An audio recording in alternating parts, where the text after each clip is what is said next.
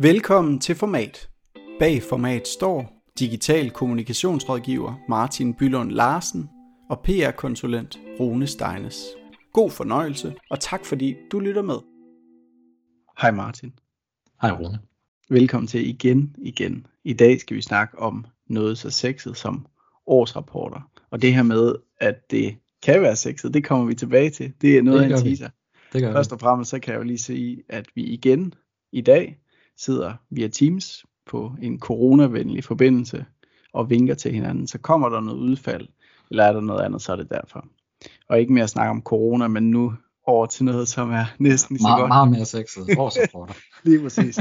Nemlig årsrapporter. Og Martin, hvorfor tager vi fat i årsrapporter i vores podcast-format? Det gør vi simpelthen fordi, at årsrapporten er jo rent faktisk et utroligt vigtigt stykke kommunikation for langt de fleste virksomheder. Altså det er jo noget pligtstof, som skal laves. Altså der er simpelthen nogle, nogle love, øh, der, skal, der skal forfyldes i forhold til korrekt udførelse og eksekvering af en årsrapport. Men derudover så har jeg sådan, altså jeg har lidt et, et effektivitetsdogme, fordi at øh, jeg ønsker jo, at når man bruger meget tid på noget, så kommer der også øh, noget ud af det. Og årsrapporter trækker jo på, på mange dele af en, øh, af en virksomhed, men også på kommunikationsafdelingen. Og jeg tror ofte, så kan man bruge utrolig mange kræfter på en årsrapport, men uden at de kræfter nødvendigvis bliver brugt til, at årsrapporten kommer ud af virksomheden. Altså jeg tror, at, at det er jo rigtig meget et produkt til direktionen og til bestyrelsen og lige de aller, aller vigtigste stakeholders. Og i, øh, i det værste tilfælde, jamen, så er det måske mange, mange måneders arbejde, der ender med at blive, blive læst kun af 20 mennesker. Og det synes jeg er lidt en skam, fordi man nogle relativt simple greb, som jeg tænker, vi sparer om her i dag, så kan man godt vende årsrapporten om til også at altså, lave kommunikation ud af virksomheden, og rent faktisk pleje sit brand over for, over for nogle af ens øh, modtagere eller, eller kunder. Og det er derfor, vi har taget fat på det sexede tema, årsrapport. og jeg kan komme med en disclaimer, fordi der er ingen af os, der arbejder direkte med årsrapporter og sidder og nedskriver dem og inde i de juridiske elementer og juridiske regler, der er for det. Det har vi rigtig dygtige kolleger i begge vores virksomheder, der sidder og gør. Men grunden til, at vi tager fat i det, er, det er jo netop, som du siger, det er et kommunikationsprodukt, som tager lang tid. Mm-hmm. Og de årsrapporter, som man ofte ser, kan du prøve at karakterisere dem? Ja, altså vi må måske starte med at sige, at nogle af de altså, den afgrænsning, vi også har valgt her i dag, det er, det er jo ikke nødvendigvis samtlige virksomheder, som laver en årsrapport. Altså for eksempel øh, store offentlige organisationer, det vi kommer ind på her, det er mindre relevant her. Vi, vi kigger lidt mere mod det, det private i forhold til, hvad for nogle greb kan man eventuelt tage. Øh, så det er også lige vigtigt at sige her i starten. Klart. Hvad, Martin, karakteriserer årsrapporter, eller i hvert fald mange af de årsrapporter, man ser anno 2020-2021? Der er måske to udgaver af, af årsrapporten som, øh, som kommunikationsprodukt, før at, at vi går ind og så rent faktisk altså, tager nogle greb til også at gøre den mere relevant for eksterne. Altså du har den øh, Excel-tabel tunge, hvor det er rigtig meget af redegørelsen for tal og ikke så meget andet. Men der er også mange virksomheder, som har altså simpelthen måske gør årsrapporten lidt til et internt prestigeprodukt. Sådan så at der er en masse storytelling, en masse casebeskrivelser, hvad lavede vi rent faktisk over året, masser af interviews med medarbejdere, projektledere og alt sådan noget der, som så bliver sammenkoblet. Og det er jo netop især den sidste variant her, som er ærgerligt, ikke også at vende om til et eksternt perspektiv, så rent faktisk få den ud og arbejde uden for, uden, uden for virksomheden. Øhm, så i stedet for den der trykte bog, som måske lige bliver givet til øh, bestyrelsen, eller den der pdf, som bliver placeret på hjemmesiden, som stort set ingen downloader, så kommer vi til at snakke om her, det er okay, hvad kan vi så gøre, nu hvor der alligevel er så meget arbejde, der bliver lagt i årsrapporten, hvad kan man gøre kommunikationsmæssigt, for at så sørge for, at det er med til at positionere virksomheden over for eksterne interessenter. Og nu har vi blevet ved med at tease om, hvad vi kommer til at snakke om. Nu skal vi til at snakke om det. Og ja. da sociale medier er dit métier, kan du så ikke lægge ud og fortælle, hvad kan man gøre på sociale medier omkring sine årsrapporter? Hvilke greb er vigtige at tage der og gode at tage der? Øh, jo, det kan jeg godt. Jeg kunne godt tænke mig at starte om, hvorfor man skal kommunikere årsrapporten eksternt. Og det er simpelthen fordi, altså der er, der er en række ting. Jeg, jeg har skrevet nogle ting ned her for mig selv i hvert fald. Altså årsrapporten netop som produkt har jo, altså er meget, meget troværdig. Altså den, den, er, den, den følger masser regler og relevanter, masser af objektive data. Og man kan sige, data, statistik, reelle tal er jo en fantastisk løftestang for at appellere til, til noget logos. Altså simpelthen til at sige, at det her det var sådan, det skete, det er meget faktuelt. Det her det er ikke noget, det er ikke en tolkning eller en holdning eller andet. Det her det er sådan, at forretningen rent faktisk er. Og det er jo ekstremt vigtigt signal at sende, øh, sende udad til. Ligesom at når du laver årsrapport, jamen det her med, hvordan præsenterer du de tal, er jo super vigtigt i forhold til, hvordan de bliver, hvordan de bliver læst. For hvis det bare er en tabel, jamen, så er der nogen, der vil tolke det på en måde, nogen, der tolker det på en anden måde.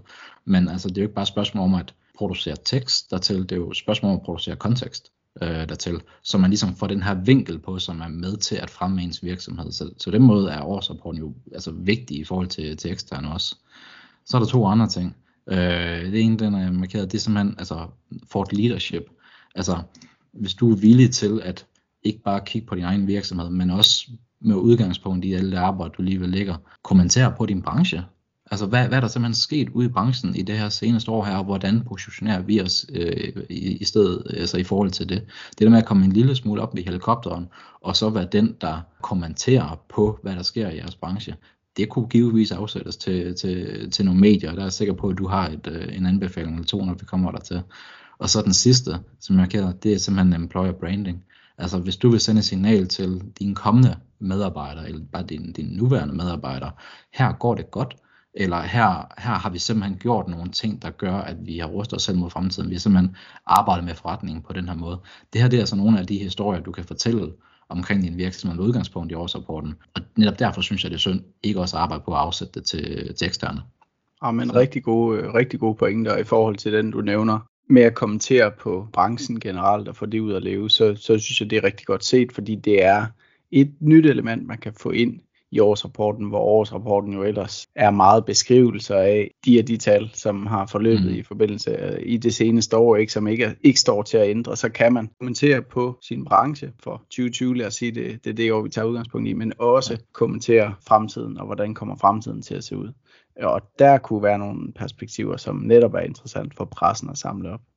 Helt sikkert, og lige præcis i år, så står vi jo og kigger tilbage, som du selv nævner, 2020, jamen det var jo året, hvor corona kom ind og påvirkede alle brancher. Så selvfølgelig er der også mange virksomheders årsrapport, der vil handle om corona.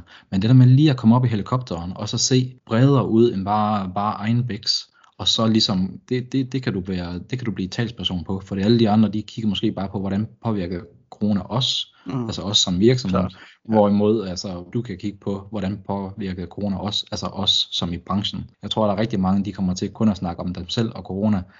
Det er det en anledning til at, uh, til at kigge på hele branchen i, i årsrapporten. Men i forhold til, hvad du øh, spurgte mig om med, uh, med sociale medier, en helt konkret anbefaling, som, uh, som jeg har, det er at tage nogle af de her nøgle nedslag, du har i uh, årsrapporten, altså nogle af alle de her tabeller, og så lave dem om til grafikker. Altså simpelthen nogle skrald ind, og så det er lidt færre tal, og det er lidt simpelt, og lave det om til nogle grafikker, som du kan bruge på sociale medier. Så sådan, at du kan lave en række opslag, hvor du altså fra din virksomhedsside viser, hvordan er det egentlig gået her øh, hos os det seneste år, og så sprede opslagene ud over et stykke tid, men, men sørg lige for at, at tænke på, at det skal være modtagerorienteret, og en, en overskuelig grafik på sociale medier vil gøre sig meget bedre end en pdf med, øh, med 20 tabeller. Ja, præcis. Jeg har set mange gode eksempler. Vi har også selv lavet nogle på rigtig gode infografikker, for eksempel, ikke? Mm. som øh, i tal og i fine billeder fortæller på en meget appetitlig måde, hvordan har året været for os. Så det er bestemt en god måde at, at gå frem på. Skulle du nu ikke have de helt store kræfter i, i Photoshop eller Adobe, så kan jeg anbefale det program, der hedder, der hedder Infogram. Det kræver et mindre abonnement, men der er mange øh, tools og et værktøj som Canva kan også bruges tage nogle nedslag, og så fremhæve dem, og så bruge dem som, øh, som den visuelle del, i forhold til at konkret, fortælle en konkret pointe fra, fra årsrapporten. Og hvis vi skal fokusere lidt mere på presse, vi var inde på det, men jeg synes også, at årsrapporten er god i den forstand, at man naturligt nok kigger tilbage på, hvad skete der i 2020. Og det sådan holistiske perspektiv har man måske ikke nødvendigvis på hele sit presarbejde, eller hos, på hele den volumen af historier, der ligger. Og det kan faktisk godt nogle gange få nye historier til at spire frem. Vi kom ind på det i forhold til ligesom at kigge ind i branchen, både hvad 2020 angår, men også fremtidigt. Men der kan også ligge andre historier, små historier, som måske kan pulle sammen til større historier, som, som mm. faktisk kan give anledning til nogle nye vinkler på emner, som man har været inde på før, men som kan ses i et nyt lys. Det er sådan meget fluffy sagt i virkeligheden, men det er jo lidt, at når man ikke øh, har noget konkret at fortælle ud fra. Men det er bare en pointe, at når man har gjort så stort et arbejde, og man har samlet så mange historier fra organisationen, og så mange ting, der er sket i løbet af, af 2020, så kan det faktisk også spire til nogle nye historier, øh, som kan gives videre til, til journalisterne og til, og til pressen. Det kan det helt sikkert. Jeg tænker også afhængig af, hvad for en, nogle historier man har medtaget, hvad man har. Altså noget vil jo kunne afsættes til en brancheredaktion, altså nogen, som kommenterer på den branche, jeg er i. Og så er der noget andet, som bare er super lokalt. Altså her er vi som lokal virksomhed, har gjort det her i løbet af året, eller kom igennem året på den her måde, kunne man afsætte det, og så få direktøren eller en anden relevant til at, øh, til at fortælle om det. Den mulighed er, er altså også der i det der med at vise sin, sin lokale tilstedeværelse, og der kan man sige, at der er alt det der faktuelle, som en journalist skulle finde på at øh, spørge om, det ligger jo sådan set klar i forbindelse med, øh, med, med årsrapporten, så de kan ligesom få både den bløde og den, øh, den faktuelle, øh, talbaserede øh, vinkel med i, i sådan en historie der. Ja, præcis. Altså et helt konkret eksempel fra øh, min branche, altså optikerbranchen, kunne jo være at gå ind og kigge på, jamen, hvor mange synstest har Louis Nielsen foretaget hen over det seneste år. Det vil også være et typisk tal, man vil gå ind og kigge på i forbindelse med årsrapporten. Er der nogle byer helt lokalt, hvor vi er steget rigtig meget? Det kunne tyde på, at borgerne i den by er blevet bedre til at passe på deres øjensundhed, og på den måde har man så overskrift på en ny historie, som er sprunget ud af, af årsrapporten. Et andet greb, som jeg vil bruge i forhold til at kommunikere årsrapporten bedre til ekstern, det er simpelthen det her, ja, nu, nu siger jeg det altså, format. Nej, men simpelthen, altså, hvad er årsrapporten typisk? Altså, det er en, en, en pdf på måske øh, 20 til, til 50 sider, hvis det er en af de store. Det er ikke specielt delevenligt på sociale medier. Så, så det er en ting, der skal ind og arbejdes med. Og det jeg vil anbefale her, det er, hvis du har en, et, et sted, hvor du laver nyheder på din hjemmeside, eller har en blog eller et eller andet, simpelthen lav et blog eller en nyhed omkring resultatet af årsrapporten. Altså simpelthen sørg for, at det bliver skrevet ind på noget, som du kan linke til på en nem måde. Og det skal du gøre af, af to årsager. Et, det er nemmere at, at, at linke til fra sociale medier i høj grad. Du kan simpelthen tage de her grafikker, som jeg nævnte før, og hver eneste af dem kan du så bruge til at sende folk over på din hjemmeside. Den anden ting, det vil gøre, det er, at det vil så også hjælpe i forhold til SEO, altså simpelthen i forhold til, hvordan du dukker frem i søgeresultaterne. For hvis folk de søger på din virksomhed og årsrapport, jamen så kan det være, at du har lyst til at, at fremhæve din hjemmeside, få dem ind på den, sådan så at modtageren kan læse din præsentation af din årsrapport, i stedet for at de finder det på en eller anden, øh, en eller anden portal, og så er det bare ren og skær tal, og så tager de selv deres konklusioner på det. Så der er altså både noget, noget brugermæssigt i forhold til noget, som giver mening at linke til, og så også noget søgemaskinmæssigt, som man ikke får med, hvis man ikke lige arbejder med den her form, som årsrapporten tager i, øh, tager i sidste ende. Og nu har du nævnt sociale medier et par gange. Kan du prøve at konkretisere, hvilke medier der er relevante i forhold til at kommunikere sin årsrapport?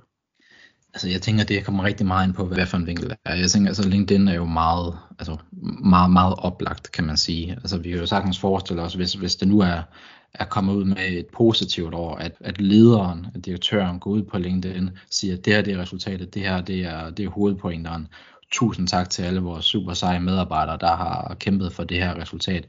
Du kan læse mere her. Det vil være oplagt sted at få det ud, fordi det er jo ligesom derovre, hvor vi, hvor vi taler, taler business. Og man kan sige, den trafik, som sådan et, en artikel omkring øh, årsrapporten givetvis kan generere, det er jo ikke noget, som nødvendigvis skaber nye kunder i morgen, men det her med at få genereret trafik på ens hjemmeside, kan jo også hjælpe en til at bruge den data over i ens egen markedsføring. Altså simpelthen det her med, okay, måske er det folk, der har været her og læst vores årsrapport, er måske mere tilbøjelige til at blive leads, hvis man nu er en B2B virksomhed. Øh, og der kan man jo sætte noget annoncering op, som tager, tager højde for det. Selvfølgelig rigtig meget afhængig af, hvad for en, en trafik man får, og hvad for en, øh, en, en målgruppe man har. Men altså, jeg vil sige, altså LinkedIn for mig vil være helt, øh, helt oplagt. Hvis der ikke er rum for at afsætte det til pressen, så, så brug det, fordi det vil sandsynligvis også være der, hvor flest i virksomheden har en profil i forvejen. Ja, og LinkedIn er relevant, både som du siger, på grund af ens egne medarbejdere, men også i et employability perspektiv i forhold til at kunne nå ud til potentielle medarbejdere.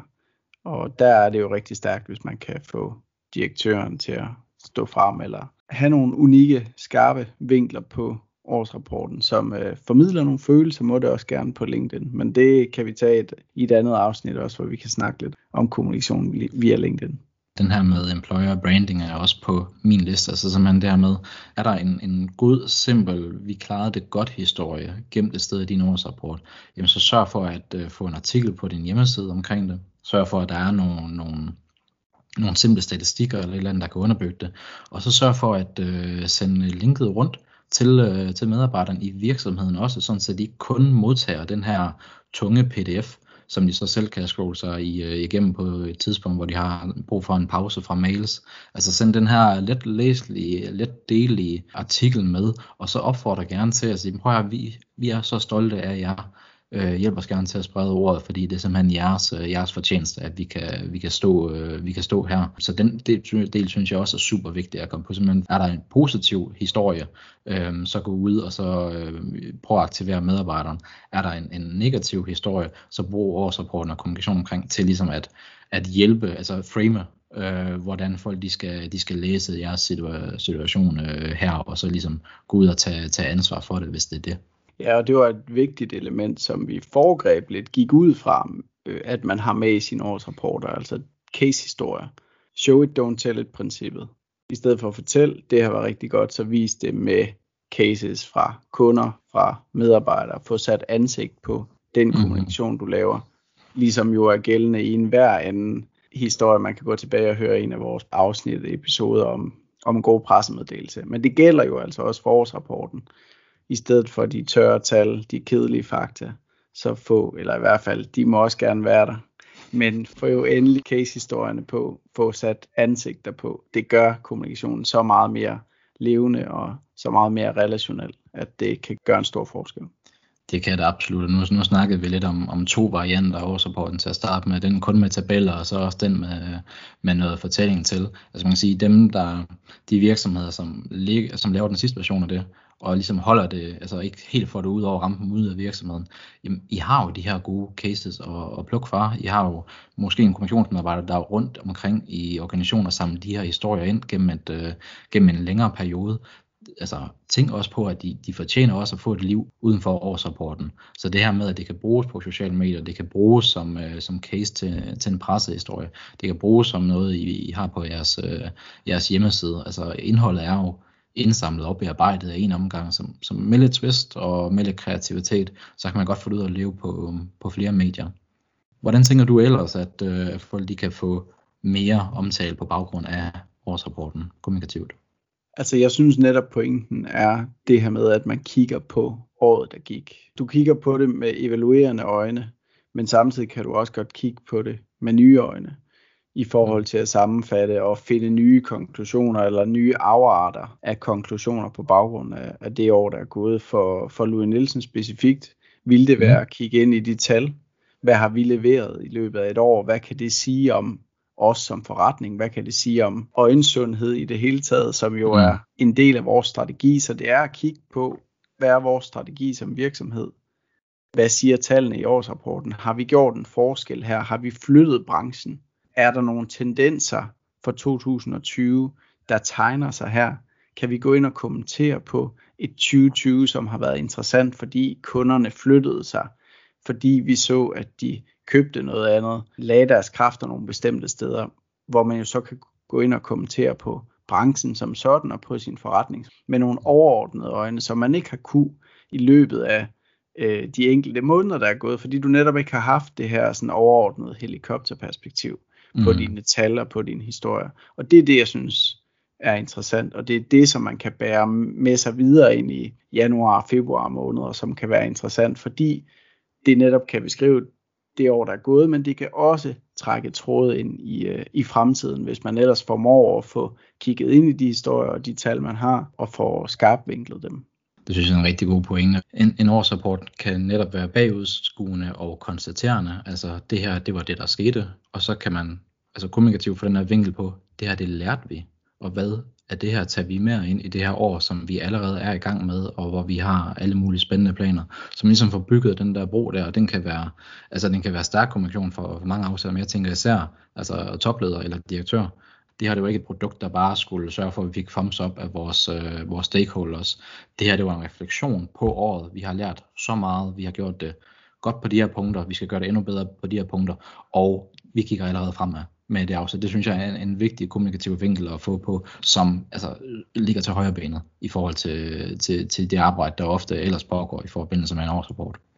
Og vil man gerne have historier videre til, til pressen, så kan du også her gå ind og betone, jamen, hvorfor er det her sket? Øh, hvorfor har vi for eksempel en lille nedgang i, i den her sektor? Det er fordi, vi har satset på noget andet, og fordi vi er blevet mere grønne. Øh, så du kan gå ind og betone forskellige elementer, og du kan gå ind og, og lægge vinkler hos journalisterne, fordi at øh, en journalist, hvis han åbner årsrapporten og kigger på den, og ikke har dine forklaringer på, hvorfor er det her sket, hvorfor er der røde tal der, så med dine forklaringer, så kan det jo altså udmynde sig i en positiv historie, fordi man netop har investeret stort på et andet område, og det er grunden til, til underskuddet. Eller det er jo nogle ord, man, man, man kan klistre på, som, som i sidste ende også kan gøre, at den historie, der så ender i pressen, kan have et positivt islet i stedet for det negative, hvis det stod alene, kan man sige. Det kan også være altså løftestang for at vise den proces, som i givetvis er gået i gang i, men ikke er færdiggjort nu. Det kan godt være 2020 var året, hvor I tog nogle skridt til at blive mere bæredygtige. I er ikke i mål, men årsrapporten er anledning til ligesom at kommentere på, at vi gjorde det her. Øh, det kan være, at det var mere bæredygtigt. Det kan være, at det var noget for medarbejdertrivsel. Det kan være, at det var øh, mere diversitet i ledelsen. Altså alle de her ting, som I rent faktisk har sat gang i, men der er måske ikke et konkret resultat, der er i en tabel endnu. Men det er i hvert fald en anledning til at sige, prøv her, vi har investeret i virksomheden på de her måder. Og ja, der er et rødt tal eller to, men det er simpelthen på grund af de her årsager her. Og så er der en god historie gemt i det. Og Martin, øh, papir årsrapporten. Hvor mange øh, eksempler skal den trykkes i? ja, det er jo det gode, gode spørgsmål. Ja, i, som digital profil, så er jeg øh, tilbøjelig til at sige færre. jeg tænker, at man skal, øh, man skal måske have noget selvindsigt i forhold til at trykke årsrapporten i mere end 100 eksemplarer. Det kan godt være, at det ikke er alle i virksomheden, der er interesseret i at læse den cover to cover. Og det kommer selvfølgelig an på, hvad, hvad kulturen er, fordi jeg ved godt, at øh, nu nævnte jeg det her med, at årsrapporten godt kan blive et, øh, et prestigeprojekt. Øh, det er en pligtopgave, det skal laves, det skal spille, men jeg synes også bare, det, det er vigtigt, at hvis man har en, en kommunikationsmedarbejder eller flere medarbejdere i virksomheden, som bruger 3-6 måneder på at sætte den sammen, og den sådan bliver læst af, af, af 20 personer. Det er i hvert fald lige vigtigt at have for, for øje, at man ikke uh, kill your darlings, er nok min anbefaling på det punkt. Har du set nogen i den anden boldgade? Altså har du set nogle lækre digitale årsrapporter, hvor dit øh, digitale mundvand var, var ved at ryge ud af munden? Eller?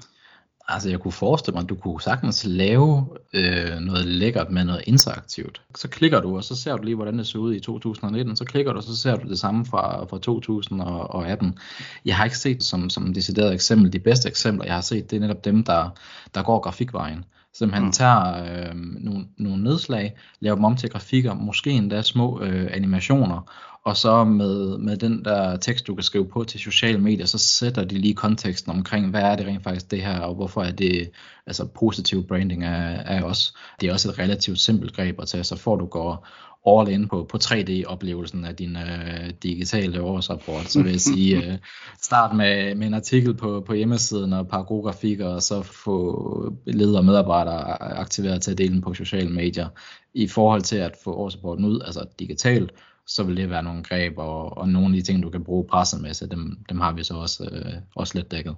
Klart. Er der noget, du brænder ind med øh, omkring årsrapporten? Nej, altså jeg tror egentlig, vi, vi er kommet omkring nogle af, af, af de greb, man, man kan bruge. Øhm, og selvfølgelig årsagen til, at vi, vi udgiver det her afsnit på nuværende tidspunkt, er selvfølgelig i håbet om, at dig, der lytter med, og måske øh, er involveret i årsrapport, eller kender nogen, der, der er, at det er ikke for sent. Det er ikke et, øh, et færdigt stykke arbejde, og så må vi gøre det igen næste år. Altså nogle af de her greb er jo netop noget, som kan gøres, også selvom I er langt i processen. I et af vores, øh, vores tidligere afsnit, der har vi snakket om øh, Hero Hub Hygiene for indholdsproduktion. Og man kan jo sagtens betragte årsrapporten som et stykke hero content. Altså noget kæmpe stort, som ligger mange kræfter i, og som er super vigtigt for os.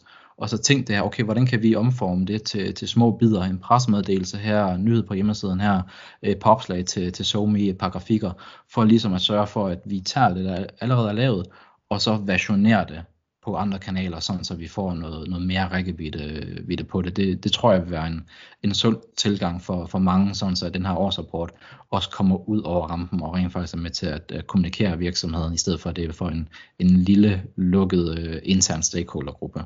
Ja, men altså, det er slagkraftige pointer, Martin, og med det synes jeg bare, at vi skal konstatere os to imellem og sammen, at vi fik jo gjort årsrapporter sexet. Fuldstændig. Altså, skal vi ikke bare konkludere det? Simpelthen alt kan lade sig gøre i 2021.